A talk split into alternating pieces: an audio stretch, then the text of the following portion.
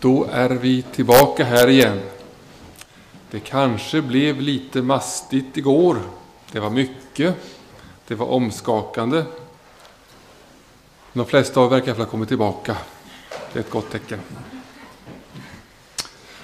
Eh, nu har jag varit på spaning igen hos Daniel. Och Daniel ska hjälpa oss att gå vidare. Så att vi inte bara står och stampar och blir frustrerade. Utan får hjälp att faktiskt gå vidare. Vi ska försöka vara konkreta så mycket det går. Och vi ska be att Gud leder oss. Vi ska knäppa händerna och be en gång till.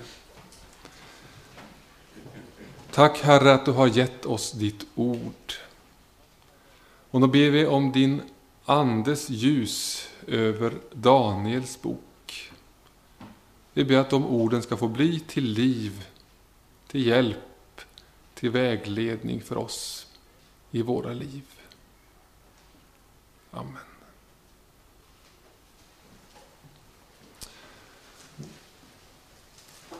Jag vill börja med att repetera väldigt kort vad, Här ser ni en vacker kyrka förresten, Rålanda kyrka. Men nu ska vi eh, repetera kort var vi befinner oss i historien. Vi eh, hörde ju om David som blev kung år 1000. Vi kör. Det här var fast inte med där. Ja, han har rymt. Ja, I varje fall så delades riket 922. Och eh, Nordriket, där Amos verkade, gick under 30-40 år efter att Amos hade uttalat sina ord. Slutet kom för det riket. Och de eh, fick leva i främmande land. Eh, 587 så förstörs Jerusalem och 539 får den första gruppen återvända under Zerubabels ledning. Några år senare får också Esra återvända. Och igår befann vi oss alltså i Nordriket på Amos tid och läste och talade om att leva i ett land i förfall. Nu går vi ett steg vidare och flyttar oss alltså till Sydriket, för Nordriket är borta. Ja, egentligen är Sydriket också på väg bort. Vi möter Daniel under exilen i Babylon. Där finner vi honom. Han lever sitt liv med sin tro i ett främmande land. Och imorgon ska vi alltså få möta Nehemja som är med bland de som har kommit tillbaka igen och ska bygga upp det rasade landet. Idag ska vi alltså koncentrera oss på Daniel. Och framförallt kapitel 1-6 i Daniels bok som beskriver hans liv. Resten är olika syner som Daniel ser, skådar in i framtiden. De får vi lämna till en annan gång. Det är Daniels liv som står i fokus. Och då ska vi läsa från början av Daniels bok, de första sju verserna.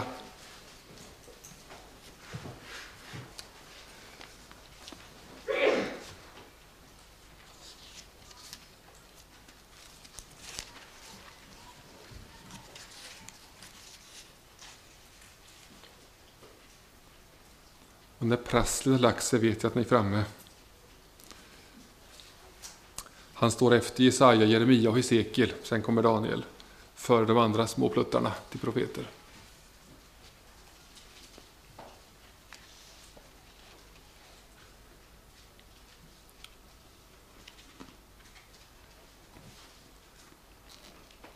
Och här får vi alltså den historiska situationen där Daniels historia tar sin början. Under kung Jojakims tredje regeringsår i Juda kom Nebukadnessar, kungen av Babylonien, och belägrade Jerusalem. Herren gav Jojakim, kungen av Juda, i hans våld och även en del av tempelkärlen i Guds hus. Nebukadnessar tog med sig kärlen till Shinar och förde dem till sin Guds skattkammare. En dag gav kung Nebukadnessar i uppdrag åt Ashpenas, sin överste kammarherre, att välja ut några israelitiska prinsar och ädlingar, unga män utan lyte, ståtliga att se på, bildade, kunniga och kloka, väl lämpade för tjänst i det kungliga palatset. De skulle få undervisning i kaldéernas litteratur och språk. Kungen bestämde också att de dagligen skulle få mat och vin från hans eget bord. De skulle utbildas i tre år och därefter träda i kungens tjänst. Bland dessa befann sig Daniel, Hananja, Mishael och Asarja, alla från Juda. Överste kammarherren gav dem nya namn.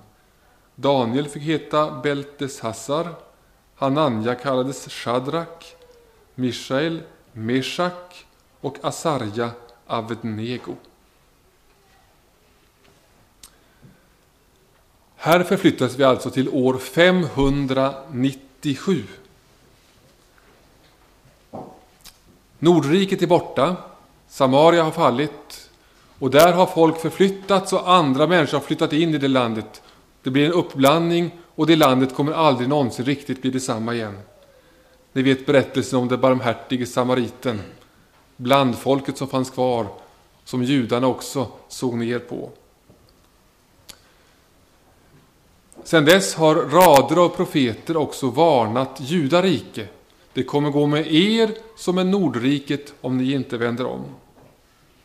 Det blev en tillfällig förbättring på 620-talet under kung Josia som genomförde vissa reformer. Men det hjälpte inte. Nu kommer Nebukadnessar, stormakten som nu heter Babylon och intar Jerusalem 597. Och Daniel tillhör då en mindre grupp som i en första omgång förs bort i fångenskap. De var alla från det här sydriket, från Juda. Sen kommer en större grupp tio år senare, 587, när staden jämnas med marken. Då är det den stora gruppen som förs bort. Det här är en liten förtrupp när Nebukadnessar första, för, när första gången intar stan. Andra gången så jämnar han också stan med marken. Och de här tas ut, ynglingar av fina familjer, för att göra tjänst vid hovet i Babel.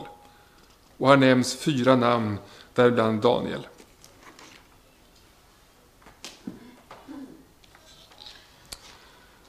De här ungdomarna har fått sin fostran i Jerusalem.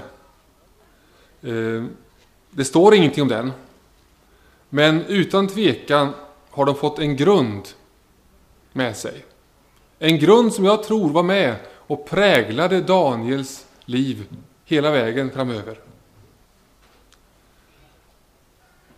Det finns anledning att fundera på betydelsen av söndagsskola. Hade Daniel gått söndagsskola hemma i Jerusalem och fått en grund med sig som sen bar honom? Eller läger? Vad får barnen och ungdomarna med sig som får bära dem genom livet? Det sår frön. Det lägger en grund för vardagsliv. Det lägger en grund för kommande ledare.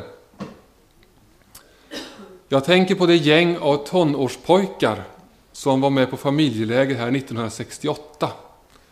Nästan på 1800-talet. Vi bodde tillsammans på ett logement borta i skolan här. Av de jag känner till idag, det är nästan alla som jag har koll på, finns det en som är läkare, en som är tandläkare, en som är rektor, en som är journalist, en som är riksdagsman, fyra stycken som är präster.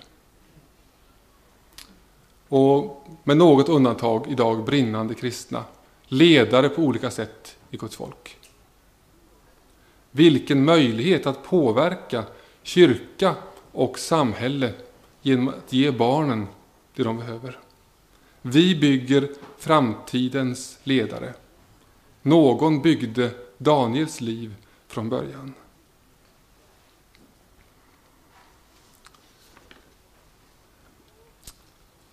Men då kommer alltså den stora utmaningen för Daniel.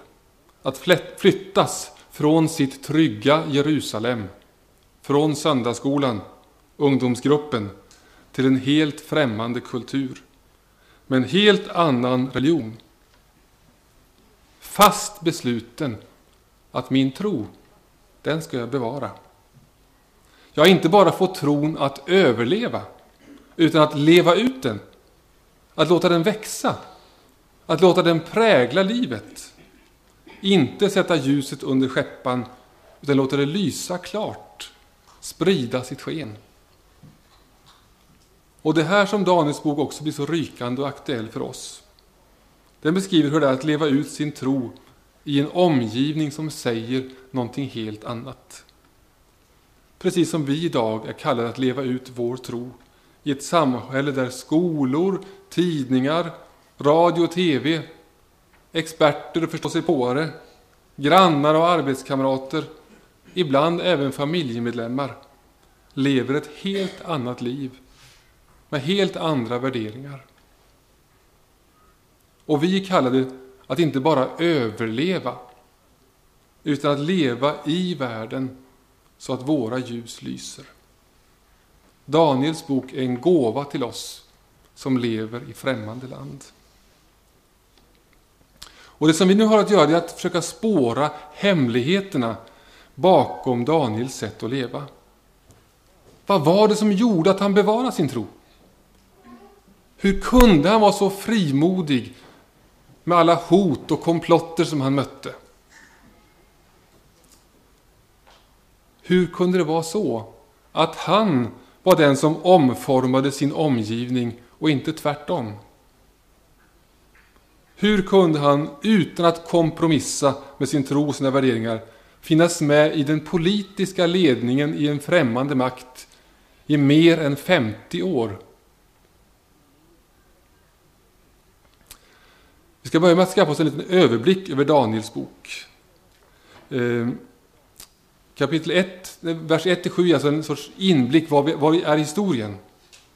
Det talar om varför Daniel blev förd till Babel och nämner några av hans kamrater. Går vi sedan vidare, från vers 8, så berättas om den första tiden i Babel. Och nu läser jag inte varje bibelord, jag berättar en del istället. Här berättas att han skulle, det blev problem med maten. För kungen sa ju, som vi hörde här, att ni ska äta av maten från mitt bord. Men hemma i söndagsskolan i Jerusalem hade de fått lära sig att följa Mose regler. Där fanns föreskrifter om vad man skulle äta och inte äta. Det blev kollision. Och här känner Daniel, här vill inte jag kompromissa. Mitt samvete säger någonting annat, så han söker efter en utväg. Och minsann, han vinner respekt vid hovet för det han gör och får tjänst hos kungen. Så kapitlet slutar med att Daniel var kvar ända till Kyros första regeringsår i den tjänsten. Nu ska vi ta en liten tidslinje över Daniels liv så vi får grepp om detta. Då är det nästa. Där kom kungen också. Ja. Då slank han i fel ordning där. Men då tar vi nästa bild. Där kom Daniel, ja. Det står ingenstans när han var född. Men om jag gissar så var han kanske född ungefär år 615. I sådant fall var han 18 år när han fördes bort. 600, 597, det är baklänges här nu ja. Det står ju inte hur gammal men eh, någonstans 15-18 år var han väl förmodligen. En yngling utvald bland de andra. Ehm, och då är han tre år i utbildning och kanske runt 20 när han får tjänst hos kungen. I kapitel 2 får Nebukadnessar en dröm om en stor staty och önskar uttydning. Ni kanske kan det här sen söndagsskolan, men jag berättar för säkerhets skull. Ehm, om ni minns rätt så är det bara Daniel som klarar den här uttygningen. Först ska han återge drömmen och sen tala om vad drömmen betydde. Och David, Daniel säger att det finns en Gud i himlen som uppenbarar hemligheter. Det visste han. Han klarar uppgiften och blir befordrad. Så det här med drömtydningen är alltså en ganska tidig händelse i Daniels liv. I kapitel 3 gör Nebukadnessar en jättestaty av guld, 30 meter hög. Det är ni. Och befaller att alla i mitt rike ska tillbe den här.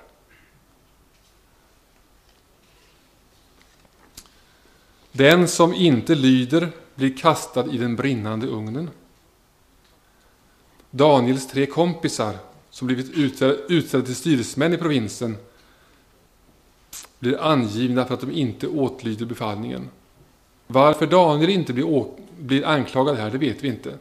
Men det är alltså de tre vännerna, Sadrak, Mesak och Abednego, som hamnar i elden och klarar sig helskinnade, bokstavligen. I kapitel 4 så finns det en ny dröm som kung Nebukadnessar har. Och Daniel uttyder också den här drömmen. Ett väldigt obekvämt innehåll. Han talar om för Nebukadnessar att det kommer gå illa för dig. Och drömmen uppfylls. Kungen förlorar förståndet för en tid. Återfår det sen. Här är alltså fortfarande Daniel ganska ung. Det här är början av hans karriär.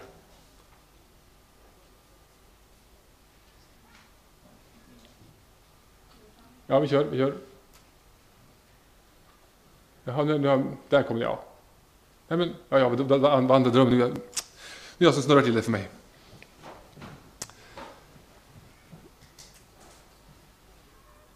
I kapitel 5, då har det gått några år. Då är Nebukadnessar död. Och kungen heter nu Nabonid. Men han vill inte regera så mycket så han lämnar över ansvaret till sin son som står benämnd som Belsassar. Och här har David, Daniel fortfarande en hög tjänst. Men i landet så är det på nedgång.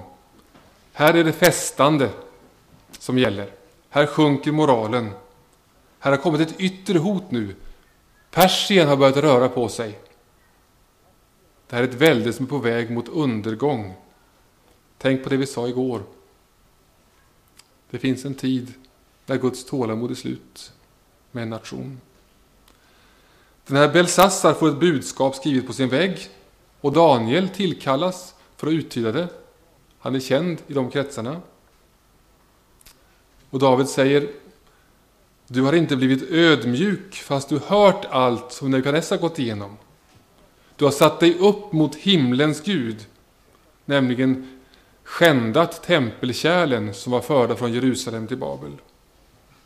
Och han säger Daniel, du har inte ärat den Gud som har ditt liv i sin hand och ditt öde i sin makt. Ganska tufft sagt. Alltså, ditt rikes dagar är räknade, snart kommer perserna. Och samma natt så mördas också den här Belsassar. Och nu är vi framme vid år 539. Då kommer Darjaves, regenten i Persien, och intar landet. Och ser ni på Daniel så, han kanske var, så är han kanske 75 år, något sånt. Har varit med på toppen i 50 år. Den här Darjaves, eh, förmodligen är det så att det är han som också heter Kores. Det är inte riktigt solklart, men här benämns han Darjaves i Daniels bok. Och så i sjätte kapitlet, det sista, så berättas om Daniels sista prövning, att bli kastad i lejongropen.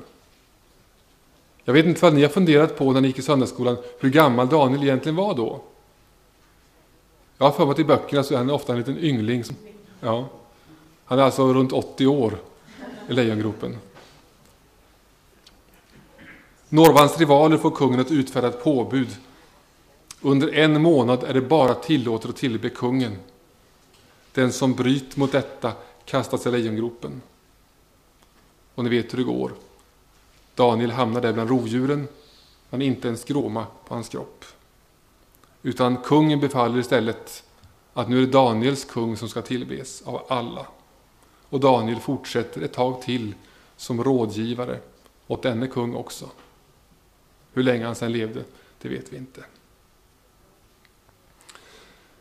Det kan vara lite viktigt att ha det här tidsperspektivet med sig.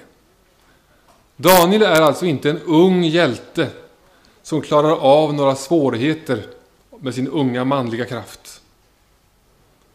Utan han är en person som under ett helt liv går Guds väg, oavsett de skiftningar som sker, oavsett vad andra människor tänker och tycker. Och han överlever inte genom att smyga sig undan i ett hörn. Han levde och tjänade Gud och var med påverkade beslut i toppen, kanske mer än 60 år. Han hade kanske fått höra där hemma i söndagsskolan vad Jeremia hade sagt, som levde vid den här tiden eller strax före.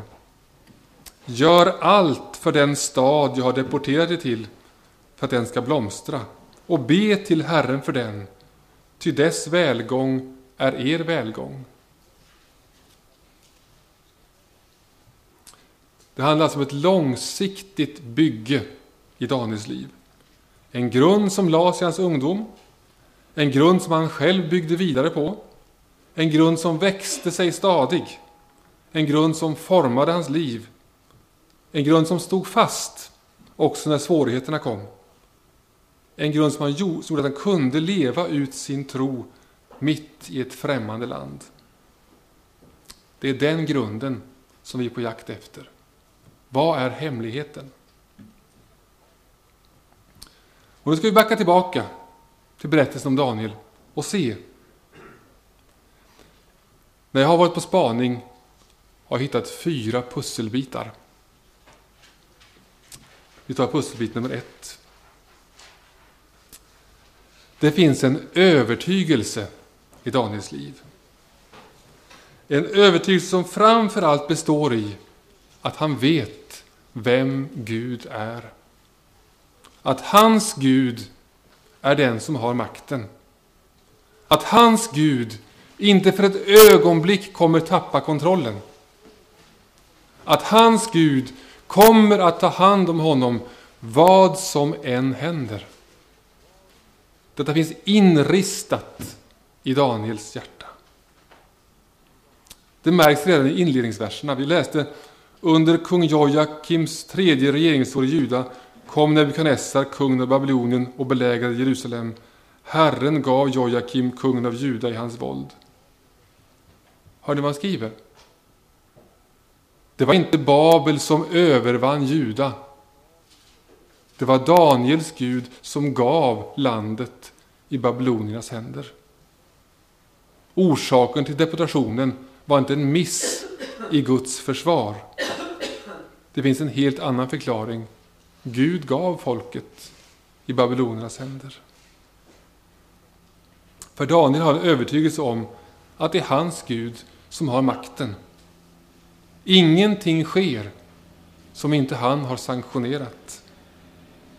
Gång på gång kommer det fram i Daniels bok en förvissning om att Gud är suverän. Både när det gäller hans eget liv, men också vad som händer i en gudlös stat. Det är min Gud som har makten. En annan aspekt av den här övertygelsen kommer fram i första kapitlets sjuttonde vers. Där står det så här. Gud hade gett de fyra unga männen kunskap och insikt i skrifter och vishet av alla slag. De här ynglingarna var strålande begåvningar. Elit. Men det var också solklart för dem vad som var källan till deras förmågor. Det var gåvor från Gud. Gud hade gett de fyra männen de här förmågorna. Den store och mäktige guden hade gett dem av sin kunskap, sin insikt. Det var han som skulle äras för detta. Och samma sak kommer fram när Daniel blir ombedd att tyda drömmen hos Nebukadnessar i kapitel 2. Daniel säger Konung, den hemlighet som du frågar om kan inte de visa besvärjarna, spåmännen eller teckentydarna avslöja för dig. Men det finns en Gud i himlen som uppenbarar hemligheter. Min Gud, han vet. Vi kan jämföra Daniels attityd med den som fanns hos Nebukadnessar. I kapitel 4 gör han ett uttalande som inte direkt avslöjar någon större ödmjukhet. I 4.27 säger han så här. Detta är det stora Babylon som jag själv har byggt till en kunglig huvudstad med min egen kraft till min egen ära. Daniel vet bättre vem som ligger bakom både det han själv gör och det som Nebukadnessar gjort. Han försöker till och med lära kungen och säger så här. Du konung, konungarnas konung, åt vilken himlens Gud givit riket och makten, styrkan och äran. Och Daniel säger till honom, du får behålla ditt rike när du inser att det är himlen som har makten.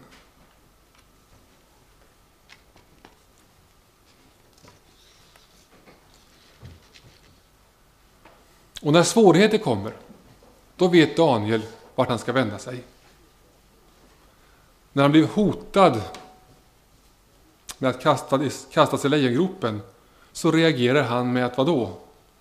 Jo, tacka sin Gud som han alltid har gjort. Han var övertygad om att det var viktigt att hålla sig väl med Gud än med kung Dareios. Och Daniel hade förtroende för att hans Gud skulle hitta en utväg. Och det gjorde han ju också. Gud är på tronen, hur omöjliga våra omständigheter än kan se ut. Då måste vi också fundera på var kommer då den här övertygelsen ifrån? Vi har redan nämnt söndagsskolan. Där lades en grund i hans liv. En tilltro till Guds ord och Guds löften hade planterats in i hans unga hjärta. Vad Gud säger, det håller han. Vad Gud lovar, det gäller. Vad som än händer, ingenting kan rycka mig ur Guds hand. Men det fanns också något mer än söndagsskolan som vi inte ska glömma bort. Det fanns i Daniels liv en erfarenhet av att det faktiskt håller att räkna med Gud. Daniel hade tvingats att pröva. Och det höll. Tänk er att bli mer eller mindre kidnappad och förd bort till ett annat land långt hemifrån. Gud var den ende som man hade att förlita sig till. Det är så som vår tro växer. När den prövas. Tron växer inte i kyrkbänken. Den växer inte av att läsa böcker. Inte genom att tänka djupa tankar. Utan när vi använder den. När vi prövar Guds löften och ser att de håller. Då växer vår tro. Några av de människor jag har mött, där jag har anat någonting av den här bergfasta tron, att Guds löften håller när det verkligen gäller. Det är människor som jag också vet att Gud har prövat allra mest. Det har varit människor på besök i Sverige som hemma lever under mycket, mycket svårare förhållanden än vi har. Vi kan tänka att de skulle vara rädda och ängsliga de strålar tillförsikt och tro. För de vet att deras Gud hjälper när det väl gäller. Och skulle de få plikta med sitt liv så betyder inte det att Gud har övergett dem. Det betyder bara att deras tid var slut nu. Och jag har mött människor i Sverige, i vårt land, hemma i Brålanda, som i livet har haft höga berg och djupa dalar att ta sig igenom. Och vilken frukt har det burit? Tron har vuxit. En bergfast tro Som jag tror ingenting kan rubba. Och här är också viktigt att då visa, vad är egentligen en stark tro? Ja, en stark tro är ingenting som sitter i mig eller i dig. Vi blir aldrig starka. Istället handlar det om en tro på en stark Gud. Det är Gud som är stark och det räcker. Här går vägen för oss också.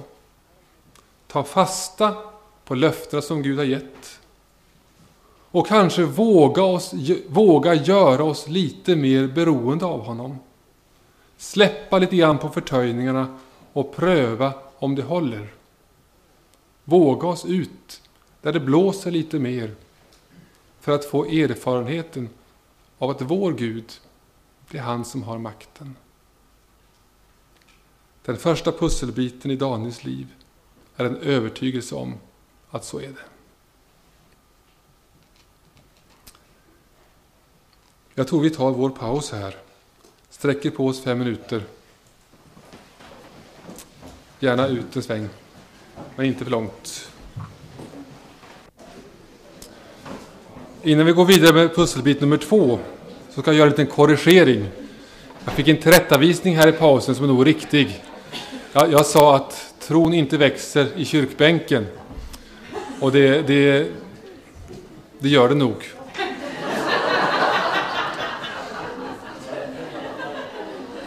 Tron kommer av hörandet, säger Paulus. Så det måste ligga någonting i det. Men eh, bara i kyrkbänken, då blir man fet istället för stark.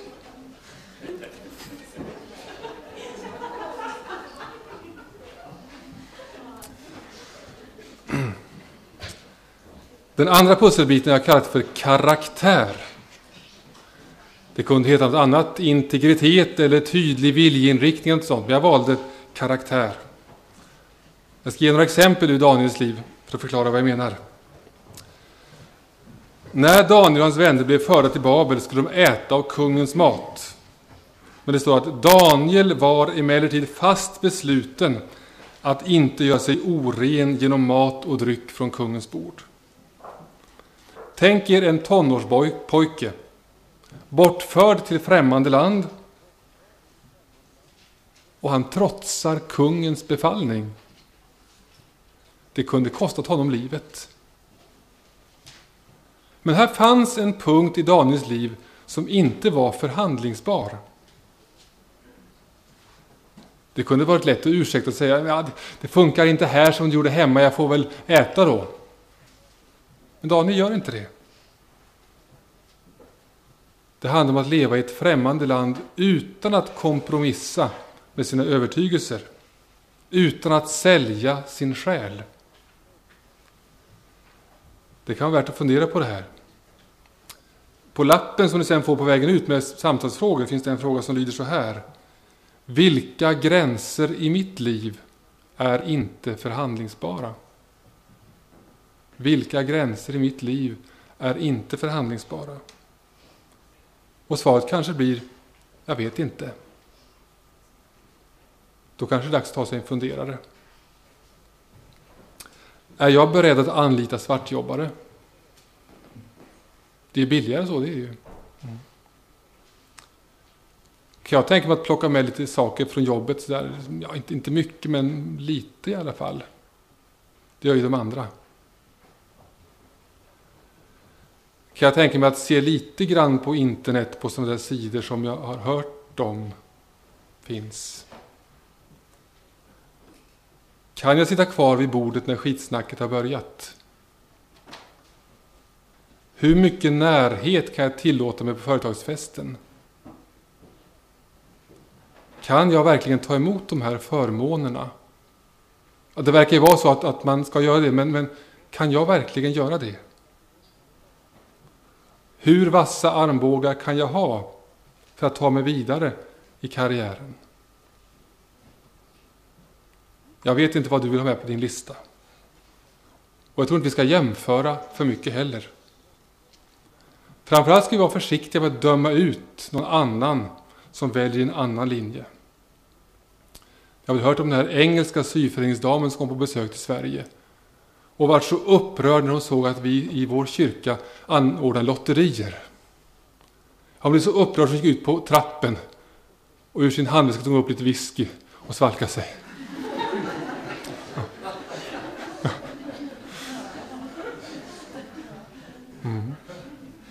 Vi tänker olika ibland. Men en sak vet jag när det gäller Daniel, det här var ingen tillfällig nyck hos honom. Det här var en punkt där han visste, här går gränsen. Och han var beredd att våga något, ta en kostnad för att hålla fast vid det som han visste var rätt. Och en sak till vet jag, och att det, är, att det är en och annan kristen, till exempel i företagsvärlden, som i efterhand ångrar att man inte gjort klart för sig var gränsen gick. Efteråt ser man. Det gäller att tänka före. Och faktiskt står det att här på den här punkten så lät Gud Daniel möta välvilja och förståelse. Det är inte självklart att problemet blir så stort som vi kanske befarar. Det kanske löser sig om vi vågar vara raka.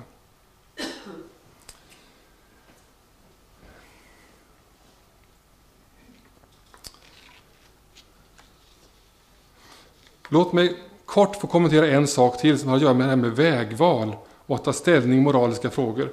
Tycker ni att det här blir teoretiskt, det är en liten parentes egentligen bara, men tycker någon att det här är hjälp, till hjälp så ska jag ta det. För hur kan jag egentligen veta vad som är rätt och fel? Det är inte självklart. Grunden är förstås Bibeln. Där finns regler för livet. Ibland är det solklart vad som är rätt och fel. Men ska vi vara ärliga så är inte alltid svaret givet.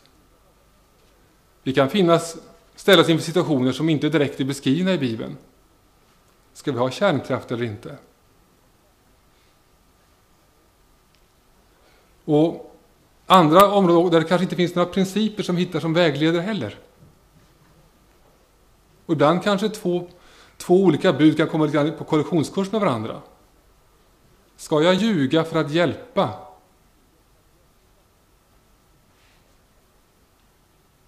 Ja, hur gör vi? Om då inte reglerna eh, fungerar i alla lägen så får man ibland börja i andra änden. Fundera på vilka konsekvenser får det här handlandet. Det är riskabelt att helt följa den vägen. Eh, för att en god konsekvens kan inte rättfärdiga vilken handling som helst. Och dessutom är det ofta svårt att förutsäga vad som verkligen blir konsekvensen om jag gör så här. Och då kan möjligen en tredje faktor vägas in. Eh, vilka motiv har jag för min handling? Varför gör jag egentligen det här? Har jag ett gott syfte eller har jag baktankar? Jag håller lite schematisk bild av det här. Där uppe ja. Motiv, det som liksom ligger före handlingen. Regler som styr själva handlingen och konsekvenserna som eh, blir av det. I praktiken är det svårt att renodla bara en av de här. De som är etiker, teoretiska etiker, de förordar ofta en av de här modellerna. Man ska vara regeletiker, man ska vara konsekvensetiker, man ska följa sina motiv, odla dygder. I praktiken så måste vi nog använda alla tre. Och eh, i bästa fall, i allra bästa fall, kan ta nästa, nästa också, så finns det ett fält där alla tre sammanfaller. Alla tre pekar i samma riktning och då är det ingen tvekan om vad vi ska göra. Ibland kanske det bara är två av de här sakerna som pekar åt samma håll. Då får vi kanske försöka gå åt det hållet i värsta fall så pekar de här tre åt lite olika håll. Ibland kan vi vänta och välja. Ibland måste vi välja i alla fall. Med bön och hopp om att det ska bli bra. Vi vet inte. Livet är inte solklart. Livet är inte lätt. Men som människor måste vi göra etiska val. Och jag tror att eh, om inte vi som kristna börjar tänka medvetet i det här, utan bara blåser med, så vem ska då lära andra att också tänka etiskt? Den, vi pratade om det vid frukosten idag, den generation som växer upp idag. av unga forskare, av affärsmän och andra, vad har de med sig av etiskt tänkande? De är fyllda med åsikter, för ingen har gett dem någonting annat. Vi går tillbaka till pusselbiten om karaktären. Ett annat exempel hos Daniel, som jag, som jag kopplar till karaktären, är att han använder sitt huvud. Det står i sammanhang, då vände sig Daniel med kloka och välvalda ord till chefen. Mm. Det står faktiskt så. Det säger mig att Daniel i all sin fromhet och gudsfruktan inte på något sätt var överandlig. Det fanns en helhet i hans liv, så han visste när och hur han skulle använda knoppen. Det finns tillfällen när vi ska tala ord vi fått av Gud. Vi ska också våga ha den inre resningen som gör att vi använder det vi har mellan öronen. Och omvänt. Det finns tillfällen då intelligenta och högt utbildade personer också måste våga släppa kontrollen och lita på Guds hjälp. När Daniel lite senare står öga mot öga med kungen tar han tillfälle och ger ett enkelt vittnesbörd. Det finns en Gud i himlen som uppenbarar hemligheter. Det finns ingen motsättning här. Samme Gud som gett oss våra gåvor att tänka är också den som talar till oss och ger oss hjälp på det sättet. Alla Guds gåvor är till för att användas. En person med karaktär vågar både och. Vad som ytterligare visar på karaktär hos Daniel är att han vill och vågar stå mitt i spänningsfältet som det innebär att leva med sin övertygelse mitt i en främmande kontext i en annan kultur. Vi hörde ju att så trädde de i kungens tjänst. Själv stannade Daniel i kungens tjänst. Och hör på den här. Nebukadnessar gjorde honom till ledare för spåmännen, besvärjarna, stjärntydarna och teckentydarna. Vem av oss hade tagit det jobbet? Mm. Kungen planerade att sätta honom i spetsen för hela riket. Där vågade Daniel ställa sig. Det är det här som vi hörde om på inledningsmötet. Att inte isolera sig för att överleva, inte anpassa sig för att överleva, utan att ta kampen att leva mitt i världen och samtidigt försöka leva ut sin tro. Försökte ministrarna och satraperna finna något ämbetsbrott att anklaga honom för. Varför då? Jo, de var avundsjuka. Det står i en annan berättelse att dessa män dyrkar inte dina gudar, kungen, och tillber inte den gyllene staty som du har rest. Vad är det här som de judiska ynglingarna möter? Jo, religiös intolerans. Och vi har redan mött det här kravet på att äta mat, likformighetens krav. Avundsjuka, religiös intolerans, likformighet. Precis vad vi har att vänta där vi står upp med vår tro. Och det är då som det krävs karaktär. En fasthet som inte ger efter. Och det gäller också att ha en garderob som är relativt fri från lik. De hittade ingenting att anklaga Daniel för. Daniel var så pålitlig att man inte kunde beslå honom med minsta fel eller oegentlighet. Var får man en sån karaktär ifrån? Är det inte så att vissa har den och andra har den inte? Tråkigt att jag blev sån som jag blev. Eller kan vi påverka det här själva? Och här tror jag vi står inför en av våra stora utmaningar. I en tid när allt ska gå lätt och snabbt finns det inga genvägar. En helgkurs för god karaktär när en karaktär är ett långtidsbygge. Den byggs när Guds ord och Guds ande får tillträde att verka på djupet av våra liv. Det är Gud som gör det. Det är Gud som verkar att ni både i vilja och gärning förverkligar hans syfte, skriver Paulus i Filipperbrevet. Men i samma andetag har han också sagt Arbeta med fruktan och bävan på er frälsning. Det vill säga, det är Gud som utför livet, verket i våra liv. Men det sker inte utan att vi låter honom göra det.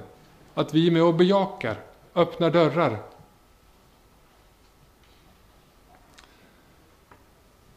Det är nyttigt ibland att tänka på ordet lärjunge i Norge och England. Lärjunge i Norge, disciple. Engelska disciple. Samma ord som vårt disciplin.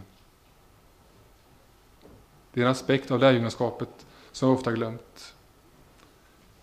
Med risk för att bli svepande nu igen så säger jag att det finns ett drag av slapphet i vår svenska kristenhet. Jag vet inte ifall det är bättre i Norge förresten. Det är inte så att vi behöver göra något för att förtjäna frälsningen, det vet vi. Men att tron skulle kunna få större konsekvens i våra liv om vi med större allvar började följa i Jesu fotspår som hans discipler. Det kan handla om den här ömma tån med bibelläsning. Vårt dåliga samvete kommer aldrig få ordning på den punkten. Och vi kanske aldrig kan sätta oss ner och säga nu, nu kan jag det här. Nu vet jag hur man gör. Jag är i alla fall inte där. Men en längtan efter ett, att leva ett rakryggat kristet liv mitt i en miljö som drar åt annat håll. Om den längtan är på allvar så kan vi bli förda en bit på vägen. Det är först när vi står där ute i blåsten som vi tvingas tillbaka till källorna för att hämta kraften, hjälpen, vägledningen. Och Det kan också handla om att sätta upp mål för sitt liv. Mål på lång sikt, mål på kort sikt. Det gör alla som motionerar, ja ganska många i alla fall som motionerar. Det gör vi när vi studerar. Många gör det i yrkeslivet. Vi kanske gör det i trädgården. I år ska jag göra det här. Vi kanske kunde göra det i vår vandring med Herren också. Och göra till en bön att Gud ska verka i oss och forma en karaktär, en sån som Daniel hade. För det händer nämligen en sak till när vi kommer på spåret med Gud här. Och det är att motståndet kommer. Nej, förlåt, nu till. Förutom motståndet finns det en sak till. Vi kommer också att mötas med respekt. Om Daniel står det Nebukadnessar hälsade Daniel på följande sätt. Jag vet att i dig bor heliga gudars ande. Det kanske inte har någon perfekt teologi sådär, men ingen fullträff. Men ett uttryck för en stor respekt för en judisk yngling som man har sett någonting hos. Så att Daniel var känd som en man med utomordentlig begåvning, mångsidiga kunskaper och förmåga att klara drömmar, tyda gåtor och lösa svåra problem. Det är enkedrottningen som beskriver honom så. Sämre rykte kan man ha. Bra på att lösa problem. Mm. Och kung Dareios säger Daniel, du den levande Gudens tjänare. Daniels liv blir ett vittnesbörd om Gud. Karaktären som lyser fram i hans liv återspeglar Gud själv. Kan vi önska något större? Jag tänker ibland på nyhetssändningen jag hörde en sen kväll. Det var sammanfattningen klockan 11. Bland nyheterna fanns den här nyheten om parkeringsvakterna i Stockholm. Som var lite förundrade att de hade lön också. För de fick ju alla enkronorna i automaterna. Alla parkeringsvakter i ett distrikt hade tömt kassorna i egna, egen, egen ficka. Alla utom en, sa de på nyhetssändningen, för han var frälsningssoldat. Mm. Vilken predikan! Jag vågar påstå att en kristen som vågar stå för sin tro och lever ett liv i samklang med den kommer att mötas med respekt. Sträck på er lite grann. Var inte så förskrämda. Många människor längtar efter det som du har i ditt liv. Och när rätt tillfälle kommer så ska vi också frimodigt berätta vad det är som är källan, glädjen, kraften, ryggraden i våra liv.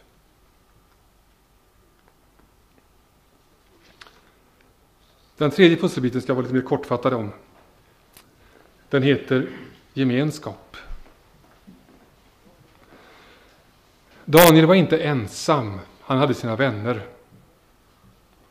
Och det här är en faktor som inte får underskattas när det gällde hur Daniel kunde klara att leva sitt liv här i främmande land. De var i alla fall fyra, förmodligen fler, som delade gemenskapen med varandra.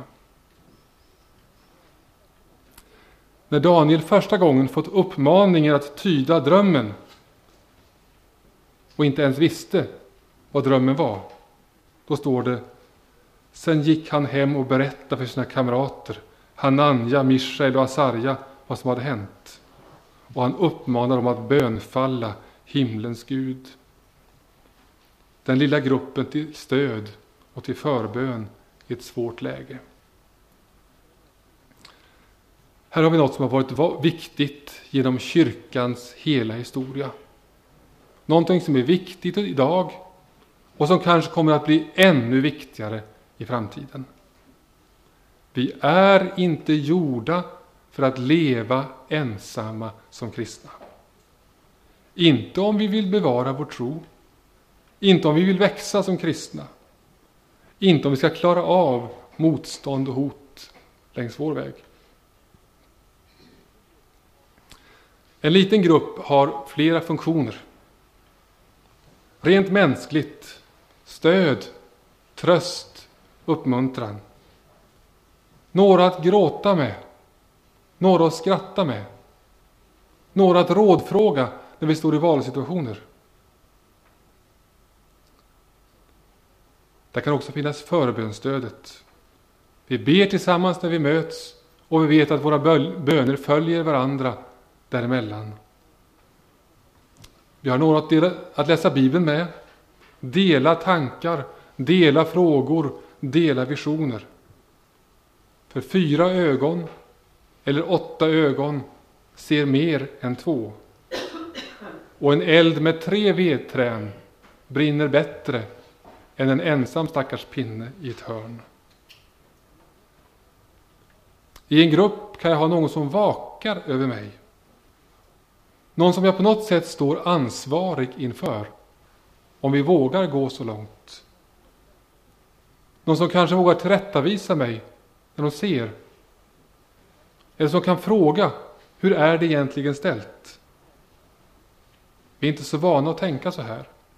Men många problem och snedsprång kunde ha undvikits om det fanns små grupper där någon vakade över oss. Och vi vakar över någon annan. Inte för att kontrollera, utan i största kärlek och omsorg. Och i gruppen kan vi också ha några att dela livet med och på något sätt skapa en kultur som en motkultur mot det vi har i världen omkring oss. Jag tänker på barnen. Kanske de ibland måste få chans att smaka att det finns ett annat sätt att tala, tänka, värdera än det som de möter i sin vanliga, ofta väldigt tuffa miljö på skolan, bland kamrater. Jag tror att de här familjelägren har en av sina viktigaste funktioner på det sättet. Att barnen får se att man kan vara på ett annat sätt.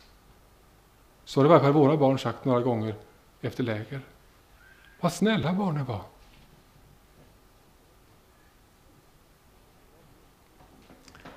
Jag vet att det inte är självklart att man hittar en sån grupp. Och jag säger inte att alla grupper måste fungera likadant. Men jag säger att en grupp är viktig. Vi kanske får vara beredda att åka en bit för att hitta den.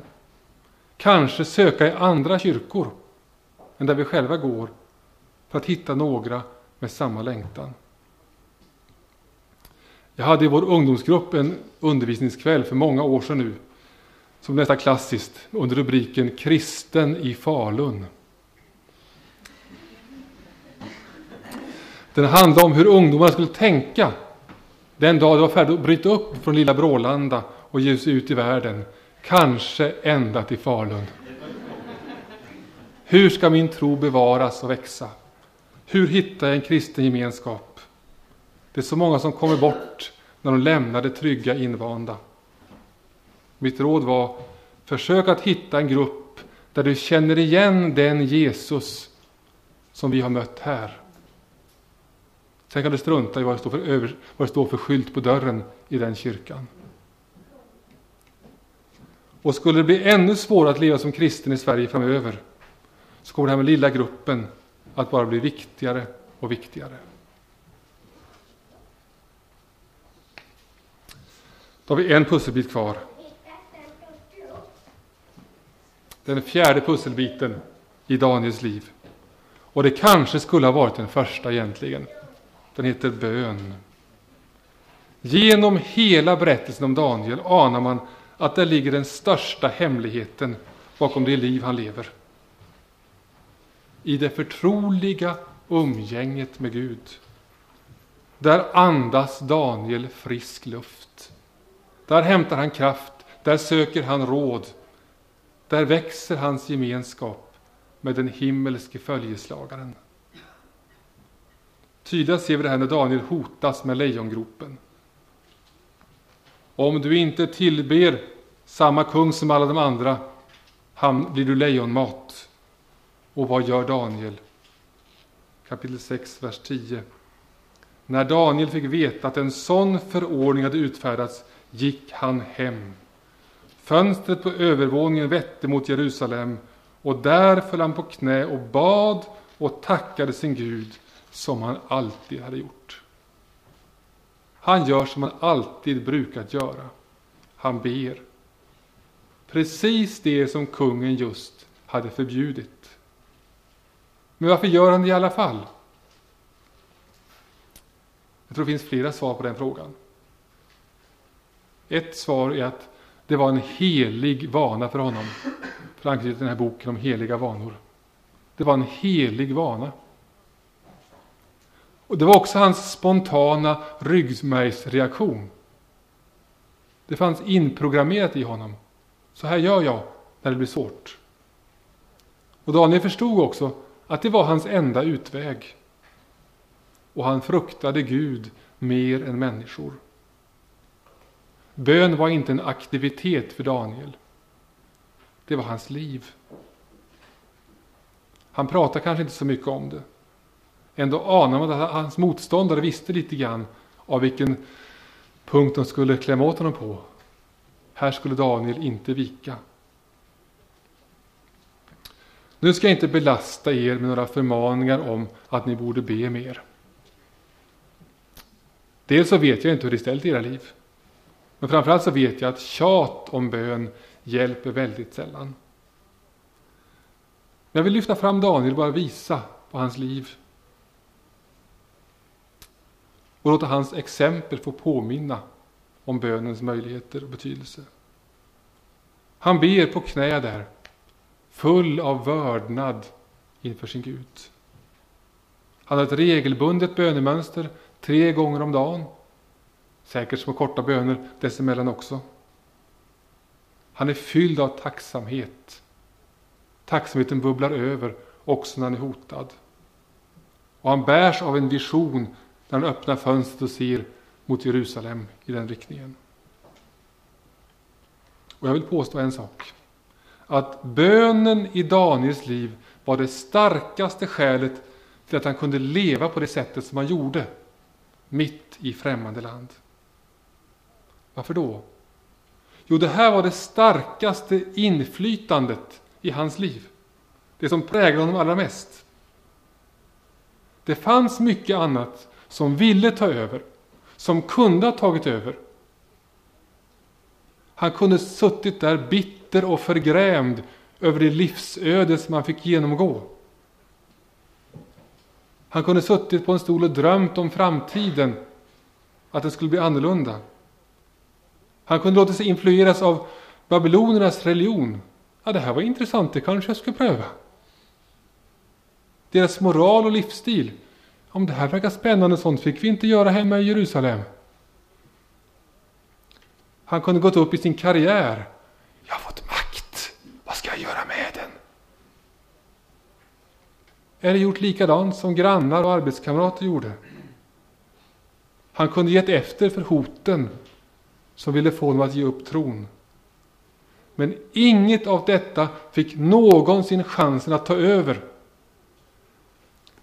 För mitt i en hård och ogudaktig värld lever han ett friskt, växande, smittande trosliv i gemenskapen med Gud. Och hemligheten heter bön. Och här tror jag också att vi har den punkt där vi mest kan påverka hur våra liv kommer att se ut framöver. Vi ensamma kan inte forma om Sveriges politik. Vi som enskilda kan inte göra om Sveriges kyrka. Jag ensam kan inte förändra arbetsklimatet på min arbetsplats. Vi tillsammans kan inte åstadkomma en svängning i tv-utbudet. Däremot kan vi göra någonting åt att påverka vilka impulser som får det starkaste inflytandet i våra liv. Vad ska forma mina tankar och mina värderingar och därmed också mina handlingar, min livsstil? Är det mina grannar och arbetskamrater? Är det kvällstidningar och tv-program? Är det trendnissar och opinionsvindar? Eller är det min skapare och min Gud? Där kan vi faktiskt påverka. Där kan vi göra egna val. Vi kanske inte förändrar allt över en natt. Men här kan det också handla om heliga beslut i våra liv. Vi läste om Daniel att han var fast besluten att leva sitt liv efter Guds vilja. Han kunde inte förändra sin omgivning särskilt mycket, hur mycket makt han nu hade. Men han kunde välja att ge sitt liv en inriktning så att han kunde leva i världen, men inte av den. Och där var bönen hans livsnerv.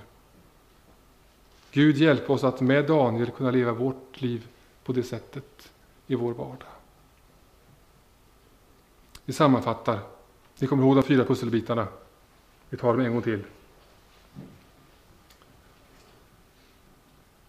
Han hade en övertygelse om att min Gud har makten. I hans person växte en karaktär som stod rakryggad i alla skiftningar som var. Ja, bönen var sista, och, så, var det, det var gemenskapen. Ja. Han eh, hade människor omkring sig som han delade livet med.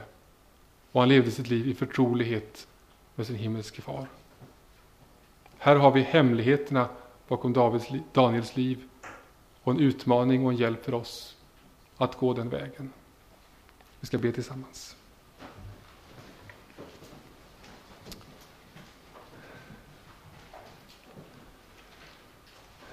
Tack Gud för att du har makten. Hur det än ser ut så är du den högste och den störste. Hjälp oss att lita på det. Och så ber vi att ditt verk i våra liv ska gå vidare.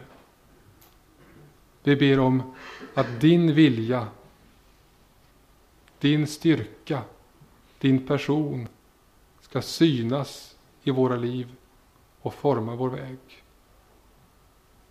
Vi ber att du hjälper oss att hitta de bröder och systrar som vi kan dela tron med i glädje och sorg.